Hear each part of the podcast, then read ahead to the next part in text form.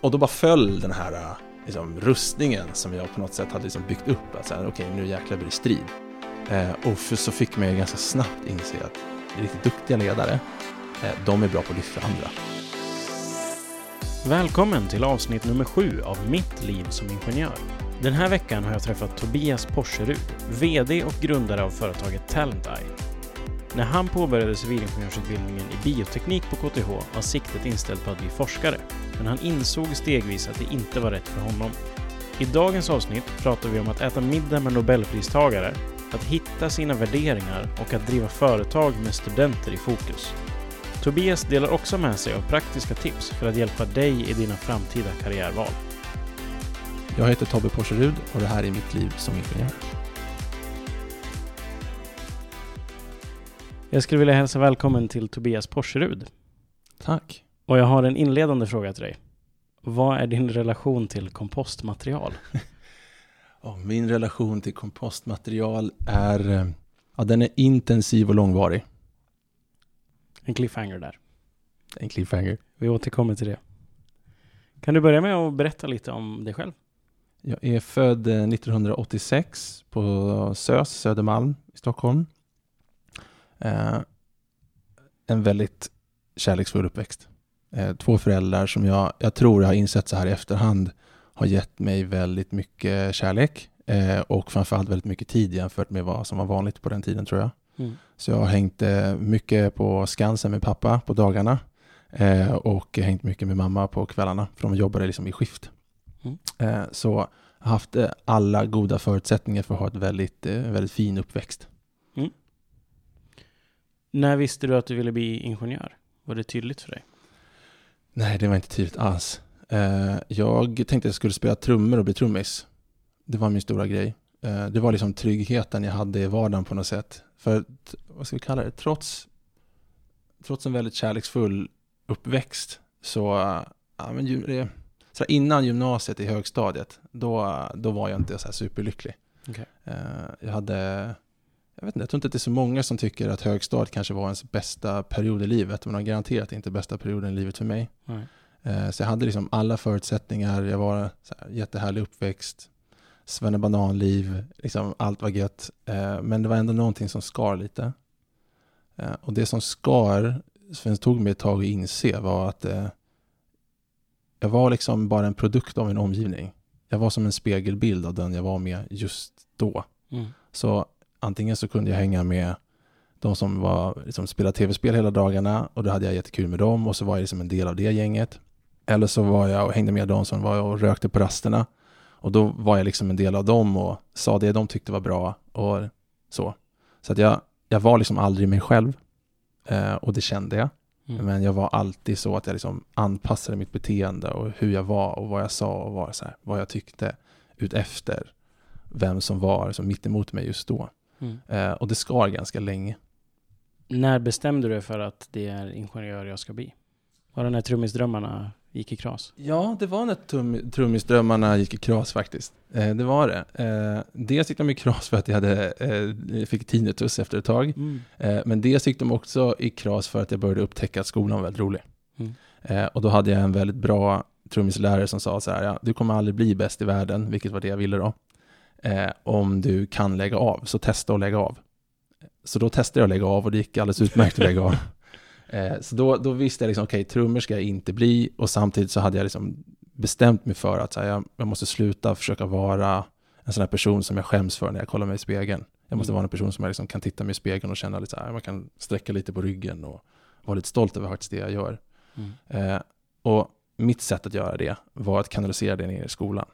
Så att jag började plugga helt plötsligt. Och jag mm. började liksom göra lite analyser om hur jag tyckte att samhället såg ut och jag försökte vara bra på matte och liksom här, trycka på lite i plugget.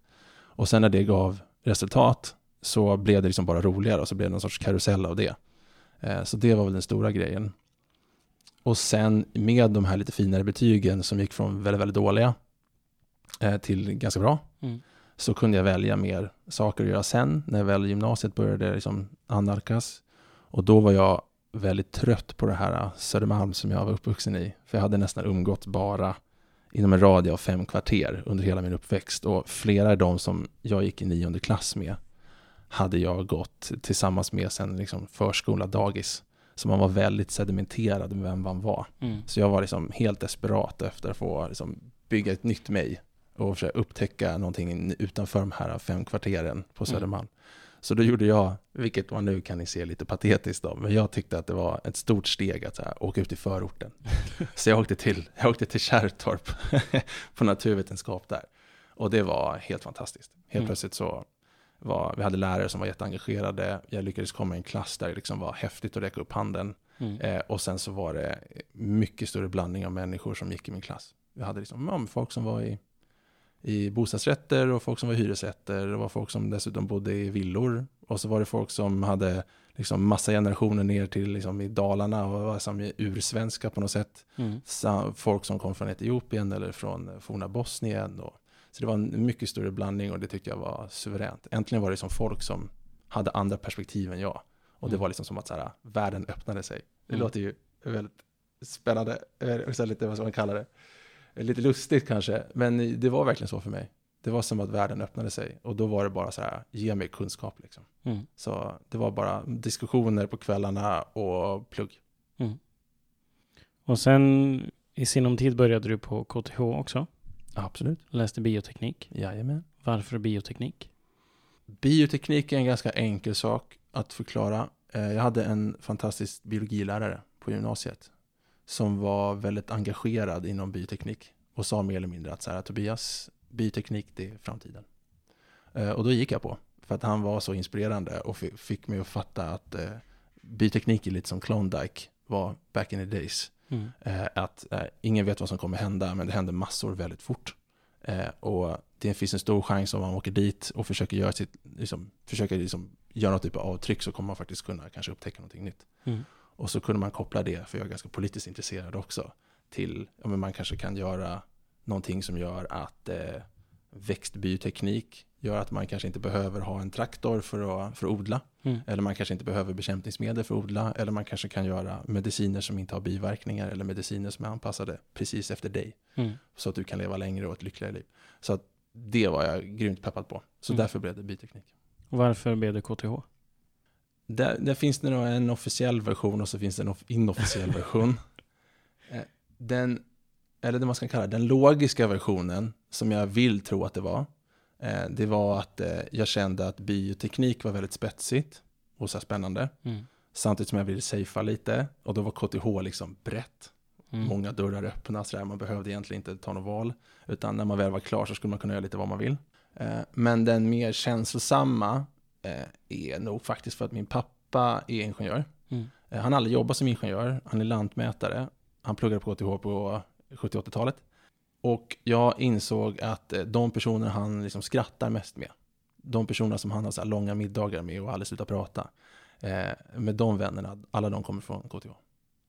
Så då tänkte jag så här, jag tror att jag tänkte i alla fall, att ah, okej, det är liksom, även om det här inte kommer vara min grej, vilket jag tror, så kommer jag ändå ha väldigt kul på vägen. Mm. Det var en väldigt eh, fin känsla ändå. Ja, absolut. Men när du väl kom till KTH då, vad var första intrycket? Jag reflekterade inte så mycket för första intrycket, för jag hade på något sätt bestämt mig. Eh, Jag hade bestämt mig för att det här skulle bli jättekul. Och jag hade bestämt mig för att eh, jag skulle försöka skaffa massa nya vänner. Det var liksom ytterligare ett sätt att här, öppna världen. Mm. Eh, Och jag skulle bli en kickass forskare. Så det här var liksom min chans till båda de här två grejerna. Mm. Både ha de här långa roliga middagarna där man sitter och garvar in på nätterna och kunna göra någon skillnad på sikt som forskare. Mm. Eh, Så när mottagningen kom de här första veckorna man gjorde massa grejer, då bara hoppade jag på allt. Mm. Precis allt. Och när man började sjunga sånger så försökte jag alltid sjunga starkast. Liksom. Eh, Så jag reflekterade inte alls. Det var bara så här, nu vet jag att nu finns det någon sorts här fönster med tid här där man liksom kan lära känna massa människor för alla andra kommer också vilja bli vän med en. Mm. Så då gäller det att liksom passa på och vara i så många forum som möjligt. Mm. Så det var väl den stora grejen. Och sen så, efter de här veckorna när jag hade liksom gått precis all in på allt, eh, så fick jag en ganska stor käftsmäll för jag hade kuggat min första tenta. Eh, och då fick jag inse så här, okej, det var lite svårare än vad jag trodde det här med att plugga på KTH högskola. Så jag får skippa det här med liksom studentengagemang och sånt. Jag ska, jag ska liksom bara kötta plugg. Så då eh, så var, var vi på på campus och mer eller mindre gick på lektioner på dagarna och pluggade på kvällarna. Så gick vi hem vid så här 9-10 ungefär och så återupprepades det där under ett år. Mm. Hur länge höll det att inte hålla på med studentengagemang då? Jag tror att det var ungefär ett och ett halvt år. Mm. Eh, och dels så tror jag att det sprack lite för att eh, dels så hade ju alla de här vännerna som jag lyckades få där i de första lilla fönstret, de här första veckorna, alla de engagerades ju och de verkade klara det rätt bra. Eh, och sen så, i och med att de var så himla insnyltade i det här, alltså liksom, fick, de till, se till att jag kom lite närmare också. så efter ett tag så var det någon sektionsstyrelse där. Jag pluggade i bioteknik och vi tillhörde kemisektionen på KTH då. Mm. Eh, och eh, det är ingen som vill vara sekreterare. Det är ju liksom det tråkigaste man kan vara. Eh, och det låter helt galet nu när jag tänker på det, men på den tiden så, det här var 2006, så sekreteraren skrev liksom inte anteckningar på dator utan skrev det för hand. Och sen gick de till en stationär dator och så här skrev av anteckningarna. Så det var ju verkligen det tråkigaste du skulle kunna tänka dig. Och då var det naturligtvis ingen som ville bli det. Eh, och då var det valberedning där som sa till mig så här, men Tobias, du, liksom, du kan gå med i styrelsen här, det är ju jättekul liksom. Du, eh, du har ju fin handstil och kan vissla. Det är det som står. Så om man googlar på mig och på kemisektionen så kommer det finnas ett fint uttalande från kemisektionens valberedning som säger att jag tror till och med står att eh, han har kvinnlig handstil och kan vissla och därför är han mycket väl lämpad för det här uppdraget. Så det var liksom min, mitt bananskal rakt in i eh, engagemangsvärlden. Mm. Och eh, under studietiden då? Hade du några saker som formade dig väldigt mycket? Som du kommer ihåg fortfarande, som liksom har påverkat vem du är idag? Det har jag absolut. Den stora saken var helt klart att eh, glida in i den här engagemangsvärlden. Eh, jag hade som sagt hela tiden tänkt att det är forskning som var grejen. Eh, och jag hade rätt, ja men jag fick verkligen kämpa för att hålla tempo och lära mig det jag ville lära mig. Eh, så jag tänkte liksom att ja, men det här med att vara eh, studentengagerad var någonting som liksom fick vara på, med vänsterhanden eller vad man ska kalla det. Mm. Eh, och jag insåg ganska snabbt att det här var ju hur kul som helst. Och jag insåg också att man kunde göra så jäkla mycket saker med det också. Så det var ett uppvaknande för mig, helt klart. Det var väldigt roligt att göra någonting som liksom betyder någonting för andra och inte bara för en själv. Och plugget för mig var intressant, Mm. eh, men det var ju mycket, mycket roligare och lättare att prioritera den här grejen vi gjorde med liksom, sektionen och studentföreningen. För att det skulle ju påverka liksom, flera hundra människor vad man gjorde. Mm. Medan om jag pluggade lite extra hårt kring den här tentan så skulle jag liksom, mitt betyg skulle gå upp en bokstav. Eh, och, det, var- och det var bara jag som skulle påverkas av det. Så det kändes liksom aldrig lika engagerande. Så då påbörjades liksom min, min resa mot att inse så här, hm, det här med att jobba med människor är ganska kul. Mm. Men hur balanserade du liksom både plugg och ideella engagemang? Var det svårt? Alltså korta svar på den frågan är att jag balanserade det inte. Lite längre svar på den frågan är att eh, jag lyckades, i och med att jag blev så pass engagerad och gjorde massa olika grejer i, student, i studentvärlden, Mm. så blev jag tvingad till att eh, förstå hur jag själv lär mig så bra som möjligt och så effektivt som möjligt. Så jag har ett par vänner att tacka för nästan de flesta av mina betyg.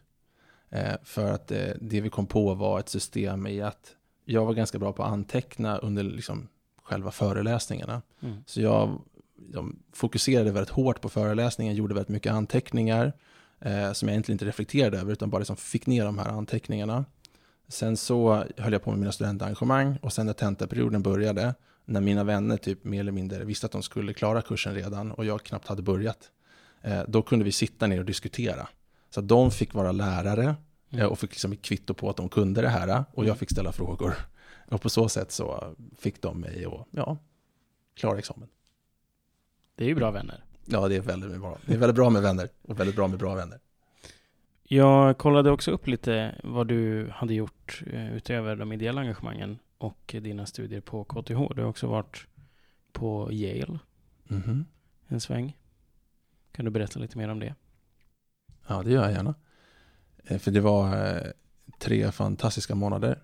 Eh, Men jag kan börja med hur jag kom dit. Mm. Jag hade som sagt, tanken var att jag skulle forska. Eh, hade liksom börjat sakta men säkert för liksom år för år börjat inse att här, forskning är ju väldigt intressant och hela den här med byteknik och Klondike-grejen, liksom, wow, det finns så mycket att göra där. Men varje gång jag gick in i ett labb så liksom sänktes min prestationsförmåga med 80 procent. eh, det, var, det var verkligen liksom inte en miljö där jag, där jag på något sätt är bra. Jag var rent ut sagt kass på att labba. Mm. Eh, jag kunde liksom göra liksom hur det teoretiskt skulle göra, men att det här med att pipetera likadant många gånger, precis lika och sen göra om det där för att titta att det funkade och så här, verifiera. Jag, jag försökte bara göra det snabbare och så fick jag göra om allting från början. Så jag kom alltid ut från labbet sist med sämst resultat. Eh, så jag hade liksom motvilligt börjat inse att byteknik och forskningsvärlden kanske inte riktigt var min grej. Mm. Men jag hade fortfarande drömmen levande. Och då var jag vid det här tillfället eh, kårordförande för KTH Core TOS. Eh, vilket jag tyckte var fantastiskt kul. Och en av de sakerna som är roliga med det där är att man blir bjudna på bra fester. Och en av de kanske bästa festerna är Nobelfesten. Eh, och en av de kanske ännu bättre festerna är de festerna som är runt Nobelfesten. Och då har Stockholms universitet alltid en afton som de kallar, kallar grodornas afton. Mm. Och grodornas afton är, jag tror att det är dagarna innan, sådär, någon dag innan själva spektaklet. Där de bjuder in alla nobelpristagare till en absurd kväll. Det dras massa fräckisar på svenska, det kommer in folk med grodhuvuden, det kommer in Lucia-tåg, det är liksom det är bara så studentikos du kan tänka dig. Mm. Och det roligaste med den där festen är liksom att nästan alla nobelpristagare kommer. För att nästan alla nobelpristagare är ju själv ganska studentikosa och rätt ja. ovana att gå runt i de där frackarna och liksom långklänningarna och sådär. Så att de tycker det är ganska gött att äntligen få liksom, ja, slappna av lite och vara bland mm. studenter och ha kul.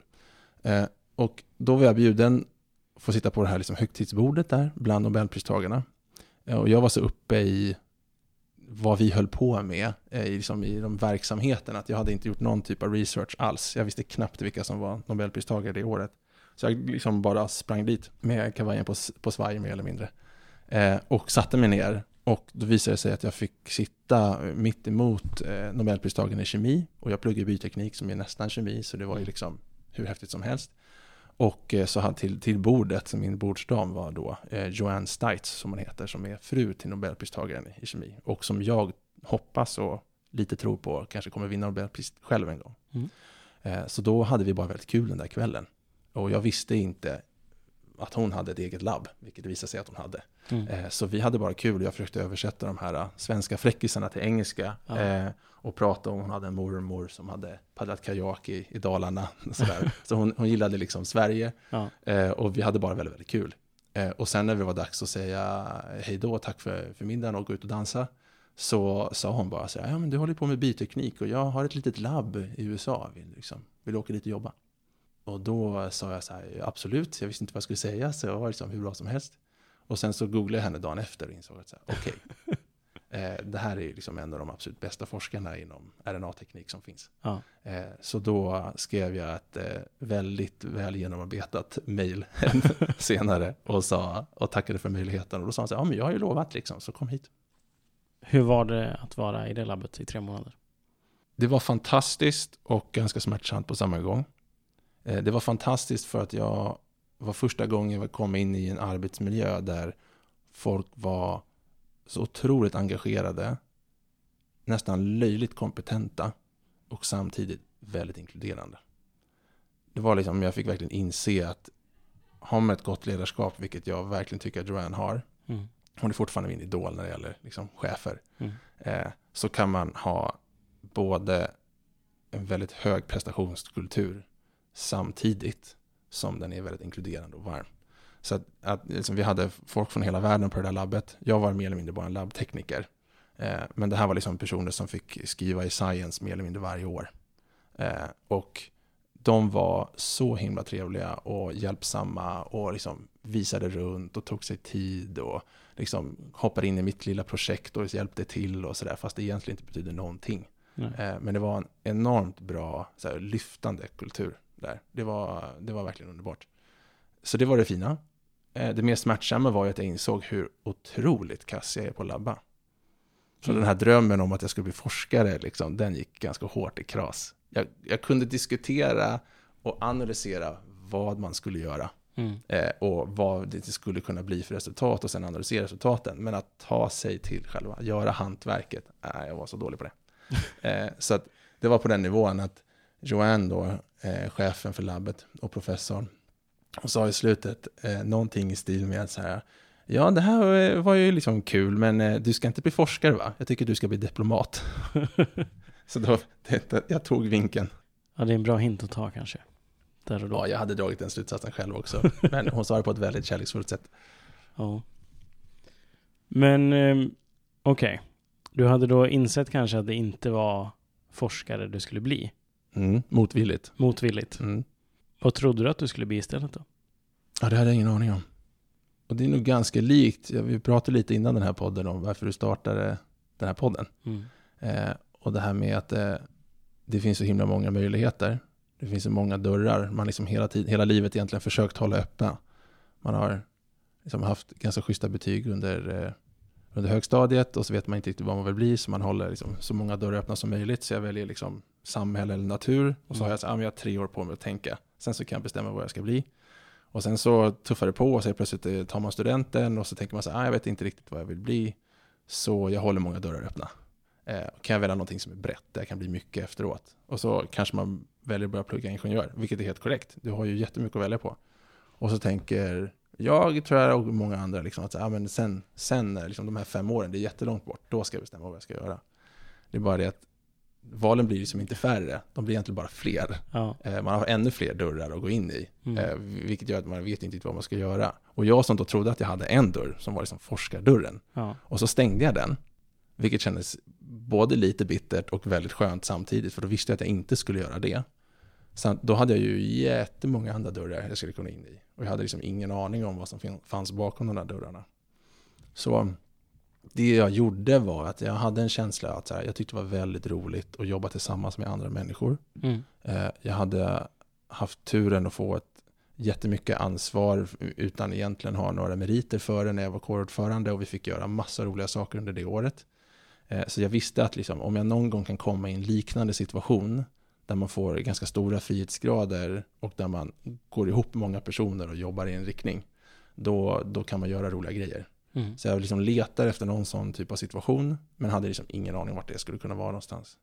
Så det jag började göra då, eh, och jag är lite lillgammal ibland sådär, är, är att jag liksom strukturerade upp ett litet schema med personer som jag såg upp till, Mm. som hade tagit examen innan mig. För när jag var eh, liksom studentengagerad så var jag tvungen att pausa ett år och liksom fokusera helt på det.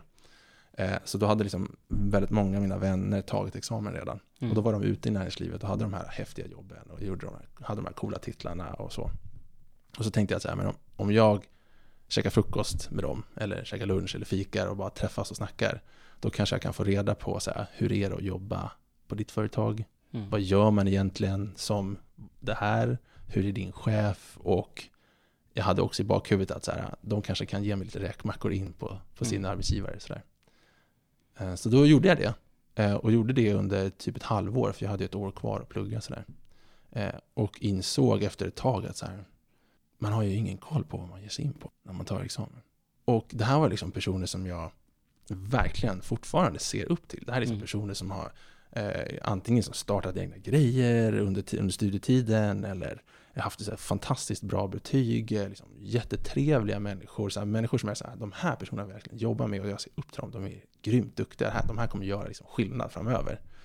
Inte ens de, så här, toppen av toppen, hade haft tillräckligt här, bra koll på sig själv, i liksom, vilka situationer de trivs och presterar och haft liksom mer eller mindre ännu sämre koll på vad det fanns för olika möjligheter och liksom vad som fanns bakom de möjligheterna. Alltså Mm. hur var företagskulturen? Vad gjorde man egentligen? Hur var ens chef? Eh, Den här branschen, hur funkar den? Och funkar jag tillsammans med sådana här typer av personer? Trivs jag i den här situationen eller inte?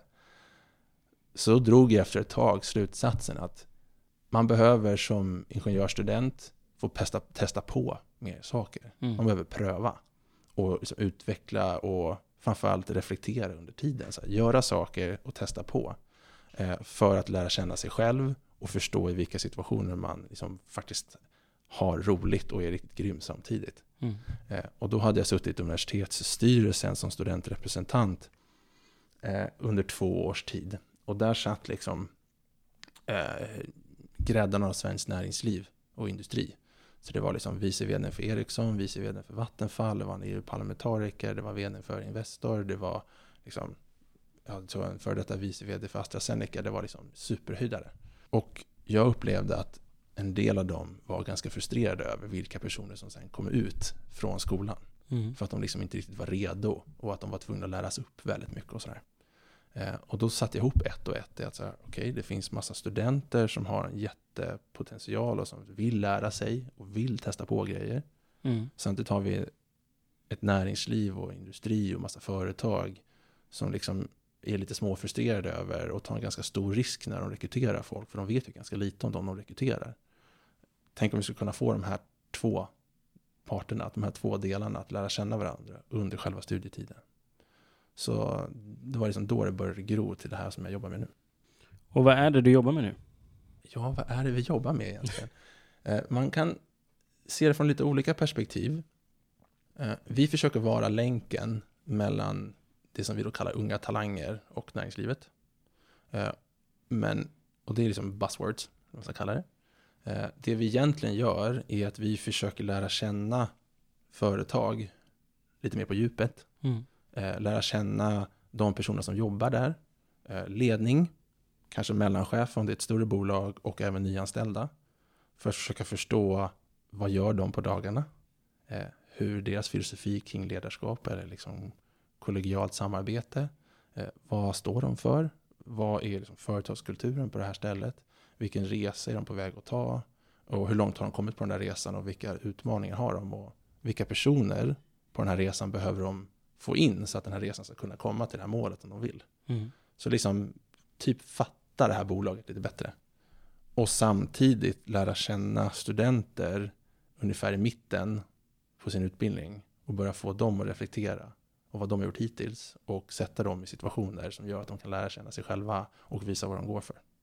Så att helt enkelt få dem att liksom vara den här mötesplatsen eller vad man ska kalla det, eller länken mellan företag som vill få in som nästa generation mm. och unga personer som fortfarande pluggar, ingenjörer och ekonomer i det här fallet då, och få dem att lära känna själva, testa på och på så sätt liksom gå in i näringslivet utan att behöva chansa lika mycket. Mm. Och bara för att förtydliga, vilken roll har du i Talentai? Jag är medgrundare och eh, vd. Mm. Och så det ni håller på med, mm. hur tas det emot av företag och av studenter? Är det den eh, det mottagande ni hade förväntat er? Eh, ja och nej. Eh, förväntningen, vi utgick ganska mycket från studenterna till en början. Mm. Vi tänkte så här, om vi lyckats identifiera personer som har jättestor potential, potential att göra bra grejer, men som inte riktigt vet vad de vill göra. Eh, om vi bara kan liksom knyta dem till sig, till oss, lära känna dem och få dem att liksom känna att vi har en ärlig bra relation med dem där vi liksom inte trycker ner någonting i deras hals utan verkligen vill deras bästa mm. och får dem att så här, bli lite effektivare i sitt sätt att se så här, vilka dörrar ska jag gå in i. Kan jag stänga några som har liksom låg sannolikhet för att vara roliga och kan jag liksom hitta några nya dörrar eller gå och ta ett steg närmare den dörren som det visar sig att jag faktiskt kommer tycka är rolig med stor mm. sannolikhet. Om vi bara om vi bara kommer nära och skapar en bra relation och hittar dem, då kommer liksom företagen komma. Mm. Eh, för vi tänkte att eh, framtidens bolag som kommer liksom finnas på de här Fortune 500-listorna och det, det kommer bara vara företag som fattar att det är väldigt viktigt vilka personer man har med på båten. Eh, så om vi jobbade med de bästa personerna på båten, eller liksom de bästa personerna, så skulle de roligaste båtarna komma till oss. Liksom. Ja. Så det var själva grundtanken. Och den håller vi fast vid. Mm. Men vi har nog adderat ganska mycket ödmjukhet kring eh, hur företag fungerar, eh, vad deras prioritet är och eh, hur man kan underlätta för dem att ta emot eh, unga personer som är, inte kan så mycket till en början. Mm. Varför är det ni gör så viktigt för dig? Bra fråga. Så jag har, jag kan vara lite så här storsvulstig ibland eh, och känna så här, men den, den dagen jag är på väg att dö och fortfarande kan tänka och förhoppningsvis inte är dement utan kan fundera på vad jag gjort med livet. Eh, då hoppas jag kunna liksom titta tillbaka och känna att eh, vi har gjort någonting som har gjort folk lite gladare. Mm. Och som har fört det, vi, liksom det gemensamma vi har i det här samhället liksom, som vi bygger tillsammans. Att ta ett steg i en riktning som jag kan vara stolt över. Mm. Lite för att koppla tillbaka till hur jag liksom inte kände att jag var mig själv eller kunde vara stolt över mig själv i, i högstadiet så skulle jag liksom vilja vara så långt bort från den, eh, från den mörka tiden och känna liksom att jag har gjort allt jag kan för att liksom se till att folk kan faktiskt ha roligare på jobbet och därmed komma fram till roligare grejer. Och om vi bara gör det tillräckligt bra för tillräckligt många tillräckligt länge, då kommer vi faktiskt ha påverkat inte bara som varje individ, vi kommer ha påverkat många organisationer och vi kommer förhoppningsvis då i förlängningen ha påverkat det vi har gemensamt vårt samhälle. Så det är den storsvulstiga delen i det. Mm. Eh, så, och den känslan tycker jag är jäkligt peppande att ha. Att vi kan liksom, för varje, varje företag vi hjälper så kommer det bli lite bättre företag. Och varje, liksom, varje människa vi lär känna och får, får liksom en lite tydligare riktning och lite snabbare tempo i den riktningen så kommer den också bli lite gladare. Eh, och det tycker jag är jäkligt härligt att känna efter. Mm.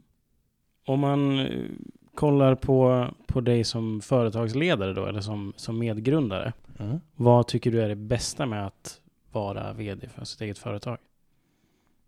Det bästa är nog att få bygga för, företagskultur från grunden. Eh, och med allt vad det har med att göra. Det finns liksom ingenting att jämföra med, utan allting man gör blir bättre. För att det fanns ingenting från början. Så alla initiativ man tar, alla steg man tar blir hela tiden ett steg framåt. Eh, vilket jag tycker är spännande och kul och att liksom känna att man kan bygga någonting tillsammans. Mm. Eh, och i och med att vi kom på den här idén så, så var det ingen annan som sa hur man skulle göra. Så vi fick ju lite göra enligt liksom, eget tycke och vi fick testa på. Eh, så den delen är fantastisk. Och sen en annan del är också att få välja sina, sina medarbetare. Det är en lyx som liksom väldigt få personer har. Mm. Och det är en väldigt härlig lyx. Vad är det svåraste då? Och det är många saker. Eh, en av de sakerna som jag har, jag tror den största resan som vi har gjort tillsammans på bolaget har varit att vi just gick från ett så liksom, totalt fokus på de här unga studenterna som vi liksom själva var. Vi mm. består egentligen nästan bara av liksom ingenjörer och ekonomer som har pluggat på de här skolorna där vi jobbar. Eh, att, vi liksom, att komma från den världen och ha superbra koll på den och försöka förstå den här andra delen som vi faktiskt försöker hjälpa de som faktiskt betalar oss pengar för att, för att, bli, för att få rätt personer in. Mm. Eh, det har tagit oss eh, ganska lång tid och tillsammans med kunderna förstå vad har de för egentliga behov och finns det några behov bakom de här behoven eh, och vilken situation är de i. För vi har ju hela tiden från början utgått från studenterna. Mm. Så den resan har varit svår. Hur ser en typisk arbetsdag ut för dig då? Finns det en typisk arbetsdag? Ja, en ganska typiska skulle jag säga att de är. Eh, en typisk arbetsdag bygger på, jag lägger ungefär hälften av min tid på att jobba nära våra kunder. Eh, och då kanske de kunderna främst som vi har jobbat med tidigare och som vi liksom kommit ännu lite närmare och som vi gör liksom fler saker med. Eh, grunden i det vi gör är liksom internships. Mm. som sen förhoppningsvis blir rekryteringar. Och då kan vi antingen vara på liksom en liten avdelning Eh, för att komplettera ihop med ja, men den här avdelningen kanske har för få kvinnor. Då försöker vi komplettera upp med det till att vi jobbar med liksom koncerner och liksom över hela koncernen. Så mitt arbete där handlar om att liksom försöka förstå i vilken, var någonstans på resan som den här kunden är någonstans och se om vi kan liksom gå armkrok med dem där. Mm. Så försäljning är säkert ja, men ungefär hälften av min arbete. Sen så en annan tredjedel bygger på att se till att vi lever som vi lär. Det vill säga att vi själva erbjuder unga människor som pluggar, många liksom, teknologer, ingenjörsstudenter, att få jobba med oss på deltid samtidigt som de pluggar. Så att vi får en chans att lära känna dem så att de kanske vill jobba hos oss. Dels under tiden, men också sen när de väl har tagit examen.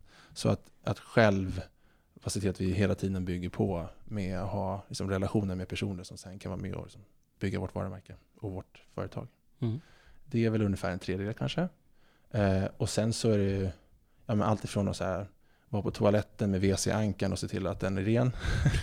eh, eh, till, eh, till att vara med i en sån här podd. Ja. Men ni finns ju i Stockholm och Linköping. Jajamän. Och är det bara studenter därifrån som ni kopplar samman med företag eller är det över hela Sverige? Eh, främst, jag skulle vilja säga hela Sverige. Ja. Vi är inte där än. Eh, vi är på väg. Utan vår vår filosofi är att skapa relationer med studenter under tiden de pluggar. Eh, försöka förstå dem så bra vi bara kan. I, leda dem in på olika internships så att de får lära känna sig själva och att vi därmed får lära känna dem ännu bättre. Eh, och sen när vi har skapat den relationen så följer vi dem sen i sina karriärer. Så för fem år sedan drygt, när vi startade, då var vi ju pyttesmå och hade bara ett fåtal personer som vi jobbade med. Mm. Eh, som vi lärde känna. Och de har ju sen tagit examen och gått till sitt första jobb och även sitt andra jobb ibland. Så att vår tanke är att vi ska liksom följa dem. Så alltid börja under själva ja, men, högskolestudierna mm. och sen följa dem. För att ju, ju längre relation vi skapar med dem, desto bättre kommer vi känna dem. Och de kommer förhoppningsvis lära känna oss ännu bättre. Mm. En sak som, ehm, när jag lyssnade, jag tror att det var den förra podden du gjorde, så nämnde du att det ni gör är att företag och studenter lyfter varandra. Vilket mm. jag tycker är en, här, en väldigt fin sak. Att man, det inte är envägskommunikation. Liksom att men det här är bra för företagen och det här är bra för studenterna. Så att det är bra för båda. Liksom, att man verkligen poängterar att det lyfter både företagen och studenterna. Eh, det där knyter samman till ganska mycket hur jag har tänkt. Allt ifrån, ja, det, dels är det rent personligt. Precis som du Andreas så har jag varit liksom väldigt engagerad i studentlivet på olika sätt. Eh, och som jag nämnde lite tidigare så den här eh, universitetsstyrelsen med alla de här högdjuren. Jag kommer ihåg första mötet jag skulle gå på det så var jag så galet taggad. Mm. För att min bild av personer högt upp i näringslivet, så här liksom toppchefer och vd och sånt, var att för att vara en chef på ett sånt här stort bolag så måste man nog vara en, liksom en spetsig jäkel. En person som liksom trampar sig fram som trycker ner andra för att själv komma uppåt. Jag vet inte riktigt hur jag fått den här bilden, men det är lite så här Krösus Sorke Bamse-style. Liksom. Jag tror att det var lite den som liksom ringde i mitt bakhuvud. Så jag, inf liksom inför det här mötet så kände jag att okej, nu jäklar, ingen ska få trampa på studenterna. Liksom. Nu jäklar ska jag stå upp för de här sakerna som vi får fram. Mm. Så jag hade liksom förberett mig till tänderna på precis alla frågor och liksom så här, ingen ska få ställa sig på oss. Eh, och sen så när jag liksom kom in i det här rummet eh, precis innan mötet, då var det ja, Cecilia då som har varit vice vd för AstraZeneca och nu är eh, landshövding på Gotland. Eh, och då var hon liksom på andra sidan eh, i det här stora rummet och så sa hon bara så här, men är det Tobias? Välkommen, vill du ha fika? och då bara föll den här eh, liksom, rustningen som jag på något sätt hade liksom byggt upp. Okej, okay, nu jäklar blir det strid. Mm. Eh, och för, så fick mig ganska snabbt inse att ja, men, riktigt duktiga ledare, eh, de är bra på att lyfta andra. Mm. Eh, och de ser människor för människor, oavsett om de sitter i repan eller om de har liksom, kostym och sitter i liksom, the corner office. Eh, och den där, tillsammans med min medgrundare Gustav som har pluggat data på KTH, som har varit eh, engagerad i Armada, som är det som du också mer eller mindre har varit med på i Arkad där, mm. eh, är att eh, vi vill liksom skapa någonting där det var Istället för att den ena parten, det vill säga studenterna, tittar upp på företagen och att företagen liksom ser ner på studenterna så vill vi liksom se till att det blir mer jämnt, att de tittar varandra i ögonen. Mm. Eh, och att vi skulle se till att försöka vara en katalysator för det. Liksom ge förutsättningar för företagen och liksom tips på hur de skulle kunna möta studenterna på absolut bästa sätt. Och samtidigt få de här studenterna att inse hur man kan på bästa sätt agera för att titta varandra i ögonen rakt över istället för att titta upp eller titta ner. För vi tror att det kommer bli mycket bättre det. Så jag blir väldigt glad att höra att du säger att du tycker det här med att studenter och företag ska lyfta varandra är någonting som du lyfter upp för det är verkligen i kärnan av det vi vill försöka stå för. Mm. Men du har varit inne lite nu på att du har suttit i universitetsstyrelsen då som studentrepresentant mm. på KTH. Och du sitter ju också i lite styrelsen nu, både i KTH Alumni Advisory Board och i Stockholms stads eh, styrelse. Ja, typ. typ. jag sitter i utbildningsnämnden. Så mm. vi, vi, vi jobbar med Stockholms stads skolor. Mm. Båda de är väldigt nära skolan. Mm. Är det en fortsatt viktig fråga för dig? Ja. Om jag ska fortsätta med ett ja så ju mer jag går in i ett ämne, nästan vilket ämne den är, så desto mer intresserad blir jag ofta. Eh, och jag är ganska förundrad över hur vårt samhälle har byggts. Och det finns väldigt många fantastiska saker med det när det gäller utbildningssystem och så. Men det finns också rätt många grejer som är rätt kassa. Eh, och i och med att vi har jobbat med det här i drygt fem år på Talent Eye med att försöka se till att överbrygga det här glappet mellan högskolan och som arbetslivet, verkligheten. Mm. Eh, så, så är det ganska naturligt också att börja fundera på hur ska vi se till att det blir fler människor från fler grupper i samhället och att alla ska få samma möjligheter att kunna komma in på högskolan. Mm. Eh, och då blir det väldigt naturligt, att, tänker jag i alla fall, att börja liksom fundera på hur är vårt grundskolesystem och hur ska man kunna se till att de här skolorna blir lite bättre. Så det här KTH Alumni Advisory Board som jag sitter i, eh, det är mycket för att jag tycker att eh, KTH som skola har en fantastisk potential att bli bättre på att hålla kontakten med sina alumner. Eh, jag är lite avis på hur Chalmers kör och jag är lite avis på hur Handelshögskolan i Stockholm kör också. Det känns som att man är, en gång man pluggar på Chalmers så är man Chalmerist. Mm. Och så håller man ihop och så hjälper man varandra och man är liksom väldigt eh, så upplyftande. Och, på Handelshögskolan tycker jag att det känns väldigt likt också. Det räcker med att eh, min styrelseordförande Monica som är alumn, eh, att hon träffar någon som liksom pluggar nu. Och så säger hon liksom sitt, så här, sitt identifikationsnummer, så här, jag är 2145, och bara, ah, jag är 52, oj det var länge sedan. Så där. Och så, så får de liksom en gemenskap i det där. Ja. Och jag tänker att så här, vi skulle kunna ta ganska många steg eh, på KTHs sida där också. Att det finns så otroligt många alumner. Och om vi bara skulle se till att liksom var tionde alumn någon gång tar en, en fika med en student och bara snackar om livet. Eller pratar om hur arbetsmarknaden är, eller ger lite tips, eller ger någon referens eller någonting sånt. Så tror jag att det är mycket kul saker skulle hända. Om man går tillbaka till eh, studietiden då. Mm. Var du duktig på att nätverka då? Alltså så här i efterhand, ja. Men under tiden så tänkte jag inte alls så. Eh, jag tror inte jag fattade att liksom de vänner man skapade sen skulle ge liksom affärsmöjligheter senare i livet. Eh, jag tänkte bara på så här, hur ska vi kunna göra den här festen jätterolig? Mm. Eller hur ska vi kunna se till att den här utbildningen blir lite bättre genom att vi organiserar oss på det här sättet?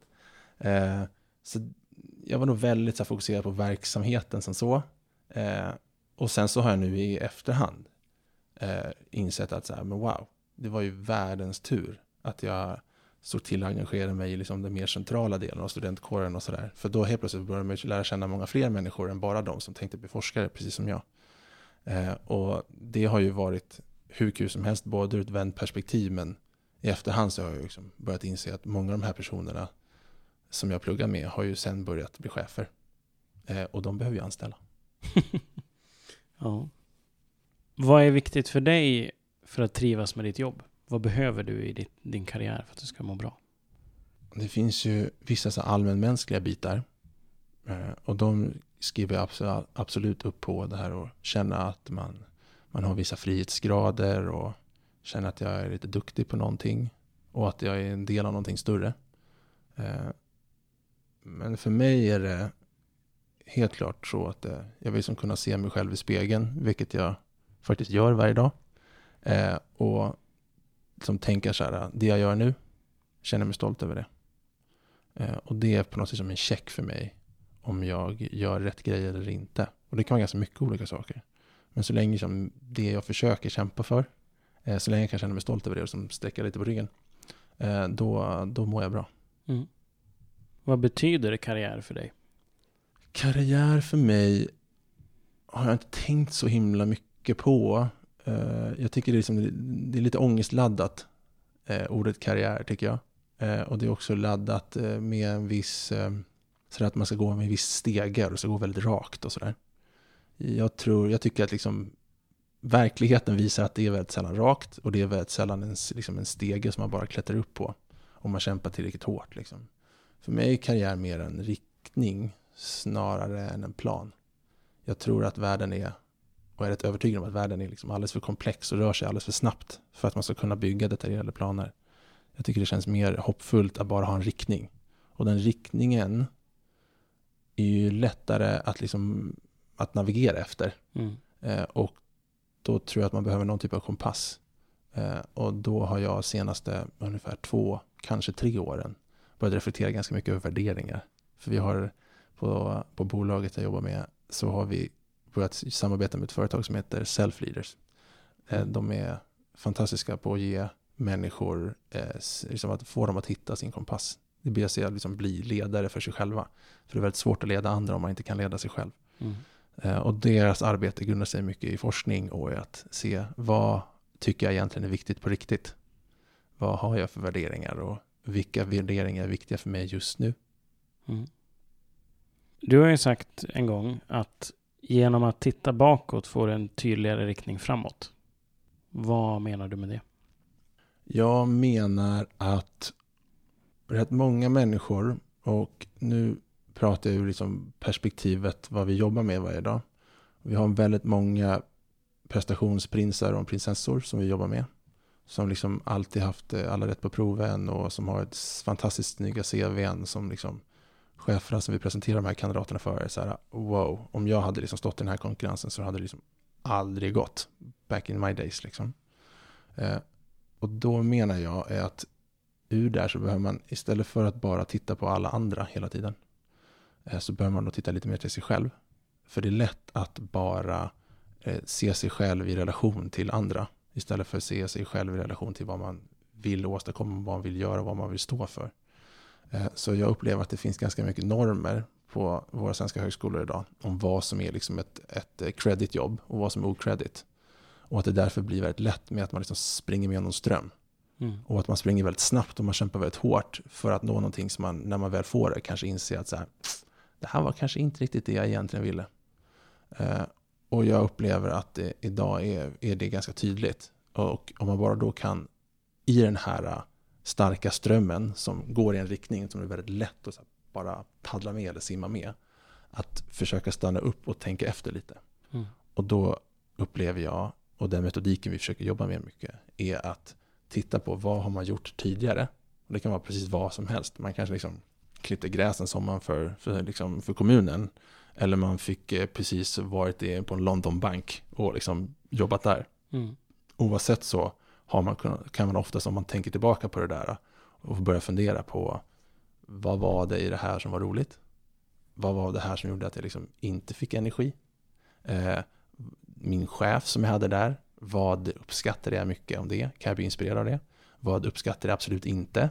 Eh, det vill säga bara fundera över vad man har upplevt och hur man själv upplevde det. Så att man kan börja dra lite slutsatser och se så här, göra en liten lista liksom de här grejerna vill jag absolut inte uppleva igen. Så det ska jag försöka röra mig bort ifrån. Eh, det kan vara allt från arbetsuppgifter till, eh, till kollegor, till chefer, till företagskultur, till arbetsuppgifter, whatever. Eh, och börja bygga en liten lista. Så här, det här tyckte jag var väldigt roligt. Mm. Eller det här är jag nyfiken på. Det här vill jag vilja ha mer av. För då kan man lättare börja röra sig bort från saker och fokusera på det man ska röra sig till. Och det upplever jag ger en riktning och lite mer tryck bakom den riktningen. Så genom att kolla i backspegeln så kan man oftast få lite bättre koll på vart man ska styra framöver. Mm. Om jag eh, säger work-life balance, vad tänker du då? Buzzword. och så tänker jag eh, dels myt. Mm. Och så tänker jag dels i att det kommer bli allt mer intressant framöver. Och mm, buzzword, då tänker jag främst utifrån det att man pratar om det väldigt mycket. Mm. Men det finns inte riktigt någon samsyn om vad man egentligen pratar om tror jag. Ur mytperspektivet eh, så upplever jag också att eh, man vill liksom få det här till någon sorts balans. Eh, och jag tror att man kan uppnå det. Eh, men det krävs väldigt mycket jobb med sig själv för att försöka förstå, för att liksom komma fram till vad är egentligen viktigt för mig. Då kommer vi tillbaka till värderingarna. För det är mycket lättare att känna mening med vad man håller på med och liksom engagemang på jobbet om man vet varför man gör det och att man känner en mening med det.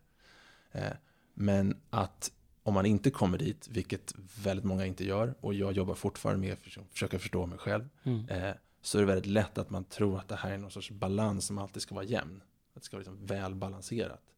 Men om man inte har tänkt till på liksom, vad innebär välbalanserat för mig så blir det supersvårt att veta när det egentligen är balanserat och vad det beror på och hur man kan i så fall ändra det ifall det inte är balanserat.